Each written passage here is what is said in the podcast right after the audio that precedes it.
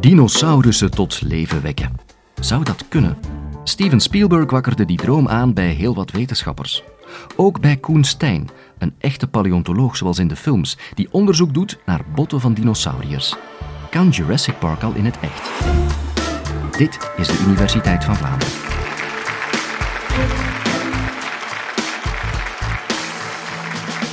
De fascinatie voor dinosaurussen in de media is natuurlijk fantastisch groot. Um, dat verklaart ook meteen het succes van de Jurassic Park franchise. Voor de mensen die voor 1993 geboren zijn, uh, Jurassic Park is een uh, film waarin uh, wetenschappers met kloontechnologieën dinosaurussen gaan reconstrueren en er een themapark van maken met catastrofale gevolgen in, de meeste, in de meeste van die films. Ja, Voordat we het over het klonen van dinosaurussen gaan hebben, moet ik misschien eerst even met u bespreken wat zijn nu juist dinosaurussen. Dit zijn een aantal van de hoofdrolspelers in de eerste film, eh, een aantal dinosaurussen. Deze dieren leefden niet allemaal tegelijkertijd. Eh, sommige van hen zitten tientallen miljoenen eh, uit elkaar in de tijd. In deze film zijn het er een handvol. In latere films komen er nog andere dieren bij. Je krijgt er dan ook vliegende, maar ook zwemmende dieren bij, zoals deze. Hoeveel, een testvraag. Hoeveel van u, uh, wie van u denkt er hier dat er twee of meer dinosaurussen op het plaatje staan? Ja? Oké. De meerderheid denkt dat er minder dan twee dinosaurussen op het plaatje staan. Dat is correct. Het, staan er, staat er namelijk geen enkel op. Uh, dit, niet alle uitgestorven reptielen zijn ook dinosaurussen. Uh, we hebben hier verwanten van uh, de zoogdieren, dus het dier met de, de, kam op zijn rug. Dat is eigenlijk een van onze voorouders. Uh, terwijl het zwemmende dier ja, dat is, een, die is eerder verwant aan de slangen en hagedissen van vandaag. Dinosaurussen hebben bepaalde kenmerken. Een van de belangrijkste kenmerken in vergelijking met andere reptielen is dat de poten recht onder het lijf staan. Ze zijn dus uh, uh, ook aan land levend. De meeste dinosaurussen uh, vind je terug in, in, in landomgevingen. En, en, veel van hen hebben ook een, een, een vederdracht, pluimen. dat is een, een, typisch kenmerk voor heel veel dinosaurussen. en in de biologie kunnen we deze kenmerken, die anatomische kenmerken, gebruiken om een stamboom te reconstrueren. En we gaan dan spreken uh, vanaf een bepaald punt in die stamboom gaan we spreken over ja, hier zitten we met een dinosaurus. Op het plaatje kan u natuurlijk ook meteen zien dat uh, op een bepaalde lijn in die stamboom dat daar ook de vogels thuis horen. Uh, dus we hebben de vogels van vandaag. Het zijn eigenlijk dinosaurussen in de strikte zin. Ja, en dinosaurussen hebben wel, ik heb het daarnet ook gezegd, vele miljoenen jaren lang op deze planeet rondgezwerfd. Het waren eh, van 200, een goede 245 tot 66 miljoen jaar geleden de dominante landfauna. Ehm, als we gaan kijken, als we die geologische tijd, die miljoenen jaren gaan weerspiegelen op een, op een 24-uren klok, uh, laat ons zeggen, dan zien we uh, de dinosaurussen op het toneel verschijnen rond kwart voor elf. En 20 voor twaalf zijn ze alweer weg. Is niet zo heel lang, is minder dan een uur. Maar als u weet dat een mens pas op het toneel verschijnt minder dan een minuut eh, voor middernacht, dan, dan schetst dat toch wel een perspectief. En het is natuurlijk eh, die langlopende eh, geschiedenis, die, die evolutiegeschiedenis, die toelaat om dat, dat, dat evolutie-experiment te gaan onderzoeken door de resten van dinosaurussen op te graven. Um, en, en, dat is net wat uh, paleontologen doen. Maar laat ons even terugkeren naar uh, die fascinatie voor, voor het klonen van zo'n dinosaurus. Dus stel nu, afgezien van het ethische vraagstuk, uh, willen we wel dinosaurussen klonen, maar we willen dinosaurussen klonen, wat hebben we daarvoor nodig? Ja, we hebben daarvoor cellen nodig natuurlijk. En in deze cellen, met intact DNA daarin bewaard. Dat is natuurlijk gezien de levensduur van sommige fossielen, de jongste dinosaurusfossielen, eh, afgezien van vogels dan natuurlijk, zijn 66 miljoen jaar oud. Ja, dat is een heel opgave. Um, ja, in de film uh, zijn ze op zoek gegaan naar muggen die bloed geprikt hadden van, van een dinosaurus. En dat bloed zijn ze dan gaan extraheren op zoek naar ja, DNA-materiaal om een dino te klonen. Um, ik heb hier uh, zo'n stukje amber met daarin een vliegje.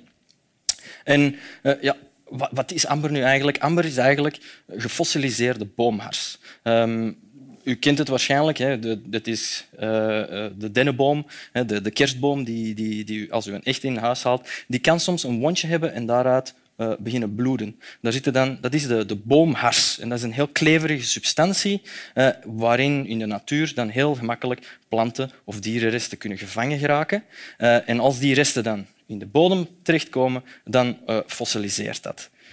en ja, in heel veel gevallen is dat materiaal niet goed bewaard. Maar in sommige gevallen vind je uitstekend bewaarde uh, insectenresten. We zijn muggen bekend met, met spierweefsels bewaard uh, en daar kan je effectief DNA uit gaan extraheren. Maar ja, dan zijn we natuurlijk muggen aan het klonen. Ik denk niet dat het iets is waarin we uh, geïnteresseerd zijn.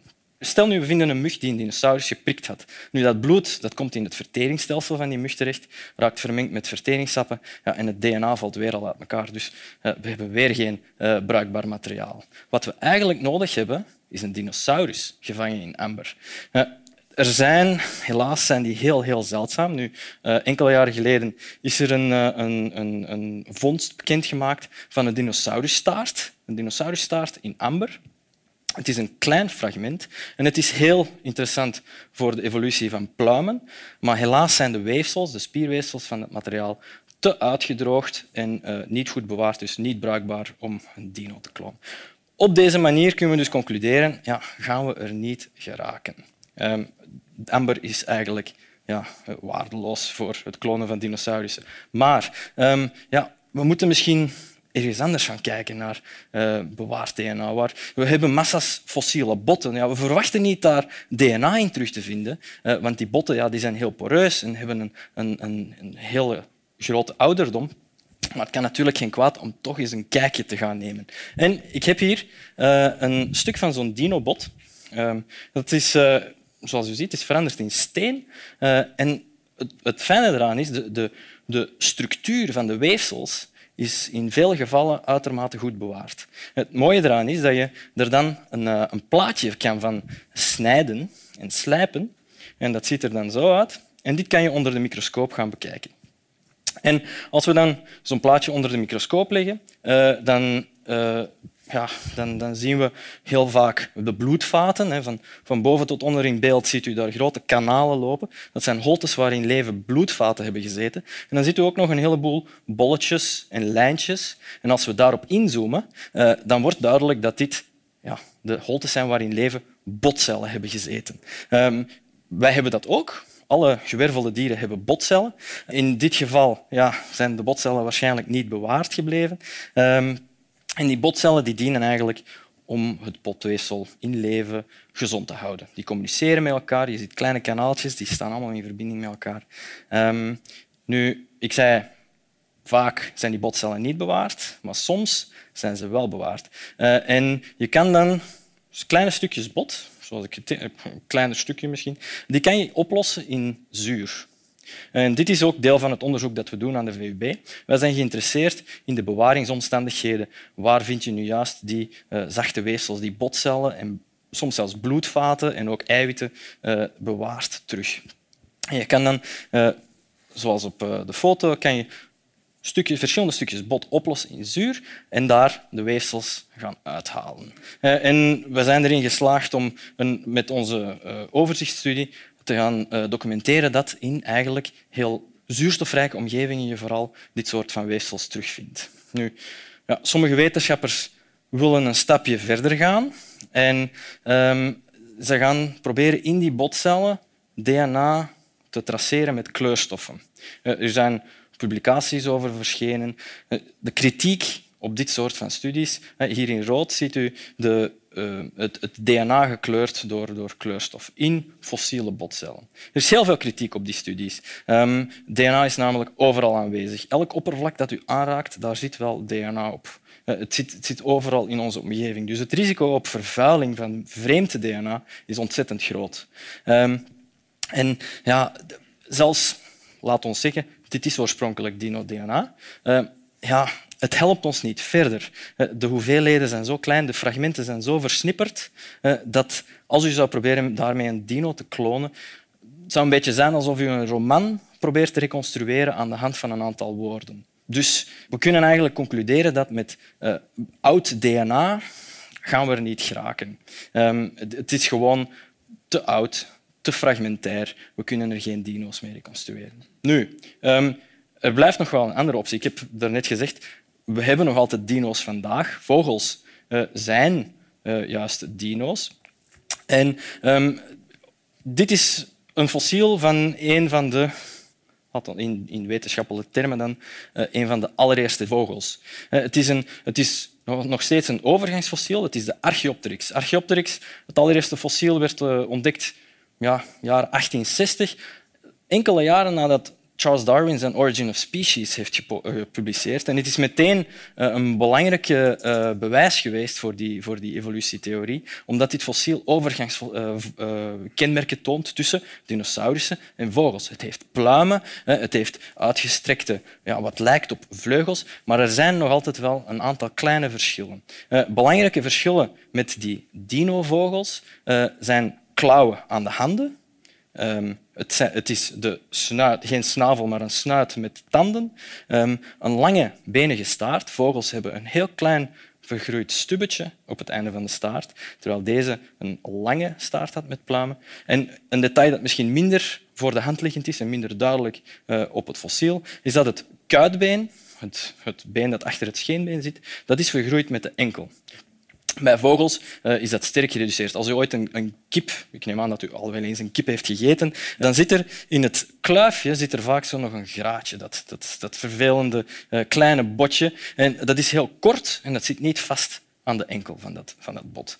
Um, het zijn net deze uh, kleine verschillen die de aanleiding zijn geweest van Jack Horner, een paleontoloog in de Verenigde Staten, om een boek te schrijven How to Build a Dinosaur.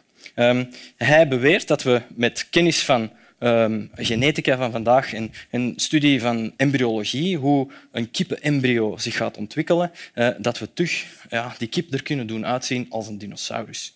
Um, tijdens de ontwikkelingsfase van een, van een, van een vogel, van een, van een kip, ja, krijg je eigenlijk een versnelde weergave van de evolutie van die dinovogels, nou, de vogels van vandaag, eh, die zich plaats heeft gevonden over millennia, over duizenden, misschien zelfs miljoenen jaren. Um, en dat betekent dus dat in de hele vroege fase van ontwikkeling zo'n kippenembryo nog steeds die primitieve kenmerken heeft. Die hand is nog niet samengegroeid. Die staart is ook nog niet vergroeid uh, tot die stubbetjes. En Horner beweert dus dat we door ingrijpen in die, um, in die uh, ontwikkelingsstappen uh, de kip terug die primitieve kenmerken kan krijgen. En um, ja, een van de allereerste wetenschappelijke uh, ontdekkingen die er zijn gebeurd is het kuitbeen. Daar zijn ze in geslaagd um, om door bepaalde genen die tijdens de ontwikkeling van dat kippenembryo het kuitbeen doen vergroeien in die vroege fase, um, door die te deactiveren, groeit dat kuitbeen terug uit tot een, ja, een primitief uitziend kuitbeen. Dus kip met een dinosaurusachtig kuitbeen. Um, de snuit, dat is, uh, daar zijn ze ook in geslaagd. Links is een normale kip, rechts is een babyalligator. In het midden ziet u een kippenembryo dat terug een ja, dinosaurus of primitief uitziende snuit heeft ontwikkeld. En dit enkel en alleen maar door bepaalde genen in dat ontwikkelingsproces van die kip te blokkeren, zodanig dat die primitieve kenmerken terug tot uiting komen. Um, ja, dat betekent meteen dat het Chickenosaurus-project, uh, zoals het uh, genoemd is, dat, dat eigenlijk al halverwege is. Er zijn nog een aantal problemen. De onderzoekers weten nog niet goed hoe je die uh, benige staart, die staart met al die verschillende wervels, uh, terug kan laten uitgroeien. En ook de ontwikkeling van de klauwen aan de handen, dat blijft nog wat problematisch, maar het onderzoek loopt en ik vermoed dat we binnen vijf jaar wel degelijk een, een Chickenosaurus zullen zien. Nu, ik moet er wel bij zeggen, ja, de kip ziet er nu wel uit als een velociraptor. Het blijft nog altijd een kip. We hebben niets veranderd aan de genetische structuur in elke cel van het lichaam. Het, zijn alleen maar die primitieve kenmerken die we terug tot uiting hebben gebracht. Um, ja, we zijn nog altijd niet aan een echte dino dus. Um, er is wel hoop voor de mensen die dat zouden willen. Uh, moderne technieken uh, voor de specialisten onder u, CRISPR-Cas9. Dat is een techniek die toelaat om effectief in het genoom, in de DNA-structuur, te knippen en plakken en bepaalde structuren uh, in te bouwen, zodanig dat we een genetisch echte dino krijgen. Uh, die zullen het in de toekomst misschien mogelijk maken om uh, ja, een Jurassic Park te recreëren? En dat is meteen het antwoord op de vraag. Ja, we zijn er nog niet, maar misschien in de toekomst met nieuwe technologieën dat het wel zal lukken. Dinosaurussen waren ooit de gevaarlijkste wezens van deze planeet. Dat zijn ze nu al enkele miljoenen jaren niet meer natuurlijk. Hun plaatsvervanger is een pak kleiner, maar helaas even bloeddorstig. Over welk dier we het hebben, hoor je van professor De Vroei. Wat is het gevaarlijkste dier ter wereld? En als je je abonneert op onze podcast, dan mis je er nooit nog één.